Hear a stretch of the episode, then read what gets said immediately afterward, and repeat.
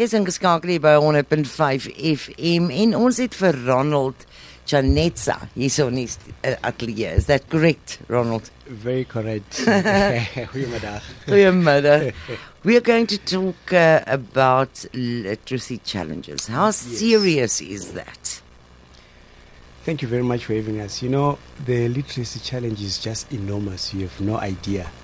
Uh, there's a lot of research that has come through, and one of the recent one called the PIRLS report, uh, Progress in International Reading and Literacy Study, actually states that 81% of 10 year olds cannot read. Why? In any language. Uh, there are a number of reasons. Um, one of them is that there's no reading culture Mm. in the communities where they come from. And then, secondly, some of the teachers are not well equipped to be able to teach them how to read. So the stats are very shocking. And then that brings out a plethora of problems. For instance, now because people are not educated, now they start to commit crime. Now they drop out of school. Yes, because what else are you going to do? That's the thing. Mm. So the literacy problem might look small, but the repercussions and the implications are just enormous. So this is an enormous challenge for you as um, Penreach. Yes, definitely. So what we have decided to do as Penreach is Mm. to create a whole program that is centered around literacy. So the program that I manage myself is called Asifunze, which is, is what, What does that mean? let us read. This is so important to be able to read. It, it is, it is. Uh, so that program specifically focuses on reading in the foundation phase, where children should be equipped with foundational skills in Mm. reading, so that if the children can master the basics right from the beginning, then there is less dropout rates, and then there's they are guaranteed a better chance of passing by the time they get to matric. So, So up to what age did you say? 11? 10? Yeah, the research, yes, the research was based on uh, up to 10 year olds. But then uh, the problem starts from children who are not exposed to early Reading. early Mm. reading as well. Yeah, because it's your responsibility as a parent to read thing. books That's to your thing. children so that you, you, you inspire them to start reading by themselves and then learning uh, the very basic stuff. Basics. Yeah. And you know, the fun part about reading is it doesn't have to be a, a job, it doesn't Mm. have to be a serious chore. Mm. It can be fun. You know, a child who can't read yet, maybe because they're one or two years old, if they hold a book and it's upside down and they're flipping doesn't it, matter. it doesn't matter. Those are the foundations. You must teach them the love of books. That's the thing, Yeah. and the love of print. You know, Yeah. we are so we are so much obsessed with gadgets like cell phones, Mm. tablets, and we Games. Games. So, But you know, you can't play a game if you can't read the game. That's the thing. Mm. So it's, it's it's a vicious circle. Yeah, yeah, yeah. One leads to the other. But yeah, definitely the, the, the, the culture in the home is what we are trying to encourage people to to get doing. This is an enormous job. It is, and uh, although a big problem, it is one of these biggest solvable problems in South Mm. Africa. Believe it or not. Really. If we can share books, for instance, if we can share resources, if I can donate a, a, a, a book that I've read, now I'm done with it. I can give the next person to read and give to the next person. We can form book clubs. We can sit, Mm. socialize, Mm. talk about books. You know, But people are embarrassed to say they cannot read. that's the thing, and it's because they they've been groomed in a culture that uh, looks at reading as if it's if it's for certain people Mm. or privileged people, and sometimes people are even embarrassed to be in a public place and holding a book. It's like it's not fashionable to, to, to, to be reading in public, and that's exactly what you want to dismantle that kind of mentality as Penreach. Rather put the phone down and take a book. That's the thing. This is Literacy Month. Uh, tell me what it's all about. Uh, its origins go back to 1966 when the United Nations declared that there should be a day where we uh, recognize the importance of literacy. So since then, it is an international day where we celebrate the love of reading, the love of books, the love of uh, anything educational. So what it is really, it's held on the 8th of September every year, but then uh, you are free to do it as a literacy week. Sometimes you can't get the actual date on the 8th of September. So any other day in September would still suffice. Of like, course. Like we have Yes. Nelson Mandela like. Days is, is, is, is 18 uh, July, but you can still celebrate Nelson Mandela throughout. For 90 days. For 90 days, Yes, yes. So that's the exact concept. So the Literacy Month is a time where we're trying to bring awareness to, to the love of books and reading, yes. Have you got some events uh, coming up about this?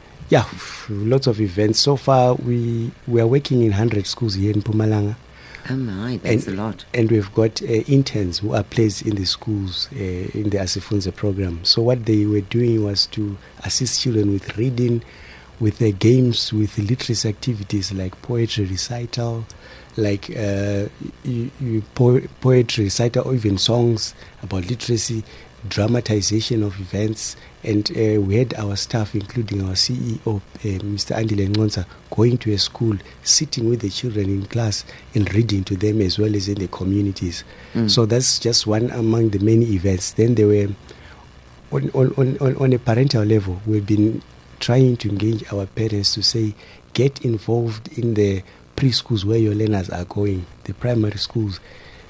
Go there, assist them, read, sit with them in class, but then charity begins at home. So in the home environment, that must happen too. But what are we going to do about the parent that might not be able to to speak uh, to read? How how's that parent going to help the child? The parent can provide the reading resource. Mm. just to get me a book, uh, for example, in Penreach, you've got uh, Penreach Books in Homes, where we are able you are able to access a book just for ten rand or less. That's not a lot of money. That's not a lot of money. So if you can invest in your child's reading, Mm. that will go a long way, re- regardless of whether you can read or not. Not. If your child, you can sit with your child, page through a book, ask the child to read for you or with you. That's it. There you are creating then the love for reading because a child would love teaching a parent something not don't they? I've got two boys, and yo, they, they, they always want to teach me something, and they always want to prove that. Yeah, it, they, it makes they- you feel good. They know better. Yes, yeah, yeah. Oh my, wow, this is uh, something stunning that you guys are doing. Thank you. How can we as a citizen help to play a part in this, uh, in the elevating of this crisis, alleviating this crisis? Like I said, uh, there are quite a number of things that you can do as a parent. You can provide the resources, but storytelling, you know, we So important. It's so important. And I remember my grandparents Yeah. loved telling stories. People don't do that. People don't tell stories anymore. They Google stories rather. Yeah. they and watch twenty second because videos. the kids don't uh, learn to use their imagination anymore. That's what's so important about reading because you, you, you wake up your imagination so that you can live yourself into a story, which is Precisely. much better than just watching it on a movie. Precisely. You were Yes. asking about parents who are not able to read themselves. This is a, a, a rich culture of, of, of, of storytelling that they can actually access. Uh, I, I, just two nights ago, I was reading a story to my ch- actually, I was retelling the story of Noah in the belly of the shark to my son. He's seven years old. So he looked at me with, you know, with wild eyes and he's thinking, and, and he said, Did this story really happen? Yeah. So we started arguing, and I was explaining to him that this happened, it's in the Bible. But, you know, that wow moment for him to say, How did I know? He was wondering, How did I know this story? Am I coming up with it? Am I, where did I get this story? So you could tell him that you so I could tell read him it. th- that I read it. Mm. So those are opportunities for not only for assisting the child, but for bonding as well. Mm. Because now my son goes to school, he tells his friends that my else. father was telling me Yeah. that, yeah. And they can say, no, it's not true. Well, can look at the Bible. you can read it there. Yeah, this is wonderful. So yeah, as citizens, the onus is really on us to look at the bigger picture. It doesn't matter if I've got two children, I've got one child, or I've got access to one grandchild. That makes a difference. Those five, ten minutes that I spend with that child paging through a book will one day make a difference in their Mm. life. So that's what perhaps we don't always realize. We think, ah, I cannot change the world, I'm only one person. But our gospel really, as, as Funza in Penreach, is to say the revolution starts where you are. That's so true. It doesn't matter where it will happen. That's so Mm. true. Now, I understand uh, you are uh, you were presenting at the Literacy Association of South Africa's conference in PE. That was this past weekend. Um, what was all that about?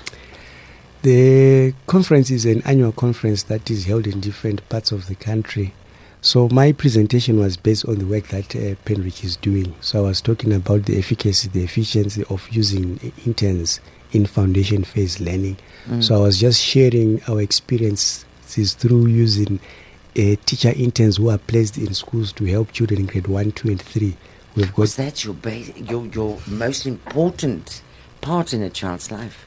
Yes, is, pre- precisely. That, yes. So I was sharing the lessons that we have learned from there and the way that we've been able to groom the youths themselves mm. who are assisting the children mm. to the, come to the realization that actually this is something that they can also do for their own children. So at the conference there, there were a lot of literacy minds around South Africa, from government, from private sector, from uh, NGOs like ourselves, and it was an enormous opportunity to get to know what other organizations are doing, in as much as they were knowing what we are doing, and to share ideas on how can we alleviate this crisis that is in our hands. Mm-hmm. And it was really a, a learning curve for us, and I'm glad that others also learned from us. Yeah. Have you walked your way there with new ideas that you can implement? You, you have no idea. It's a thousand ideas actually. I was fascinated, for instance, by one department from the national, from the Nelson Mandela University in, in Port Elizabeth. Uh, the staff there did a children's story, and they filmed the whole story by by phone, and they converted it. It was you know like you would mm. have the staff in, in your own organization come together. On one day, shoot a short uh, video. video, and then now use that to tell stories to children and use it like when you do a workshop to say this is what we can do. This is how you can create your own content. You don't need to google from youtube and get you yeah, can create stories that are relevant to your experience and to your own environment. So that's just one among many other things that i've learned there. 100 schools that you you're targeting now in our area yes in Mpumalanga and we've got an extra 20 in Soweto in Gauteng so that's 120 schools wow it's not much compared to the actual number of schools that exist. Yes. But like I said, you but start somewhere. A start. That's a start. a good start. Yes, and subject to obviously funding, then you can be able to expand. But there's quite a lot that the literacy space has to offer. Mm. Ons gesels met Ronald Chanetsa. That's correct. van uh, Penreach. Ja, as jy uh, are you uh, have you got any schools locally that you're working with or is it just in rural areas that you are starting off with now? Uh, our target is the underprivileged schools. Mm. So we've got schools in Kabokweni, in Numbi, in Matsulu, all the way to Cape. So, yes, it's local schools, but there are schools that would otherwise not get any assistance. And they are mostly in the quintile 1, 2 schools, the lowest of the lowest schools, yes. Well done. Thank you so much. Thank you. You're going to make a big difference to so many children's lives. Thank you so much. And uh, I'm proud of you. Thank you. Thank you so Thank much. Thank you for, for coming into Radio Laeveld and uh, telling us more about it. Um, can you give us a little bit more about Penreach itself? Uh, Penreach is an NGO that is based at Penryn College. Ah. So a lot of people confuse Penryn with, with. Penreach. So Penreach always remember the ch the outreach part. So we are not there to service Penridge in the school. We are there to take that excellence of education out of into the communities that I've just mentioned. Mm. So we are quite a big organization now. Uh, we've got at least uh, five programs, starting from the early childhood development. Then we've got programs uh, like the one that I manage for foundation phase. Then we've got a STEAM center, the Shalam- Penreach Shalamuka STEAM Center. Then we have the program for school principals as well. Oh, wow. So that, you know, some principals are promoted because they are very good teachers, but that doesn't make them good managers. That's true. Because now you find yourself as a principal and you need to balance the books of yeah, the because your guidance was so good, and maybe you don't know how to guide. That's and the you thing. Need training how and to you guide. need training, yes. So yes, there are quite a number of programs that we run at Penreach, and uh, we always rely on funding. So we call upon anyone who's able to fund any one of the programs to also Yeah, because that Yeah. takes money, eh? It, it does. It does. Uh, people like myself don't come cheap. Yeah. yep. okay. Thank you, Ronald. It was lovely chatting to you. Likewise, and I hope you come and visit me again. I would definitely. Thank you so much for Thank the you. opportunity. Ja, dit was Ronald Chanetsa van Penreach. Dankie.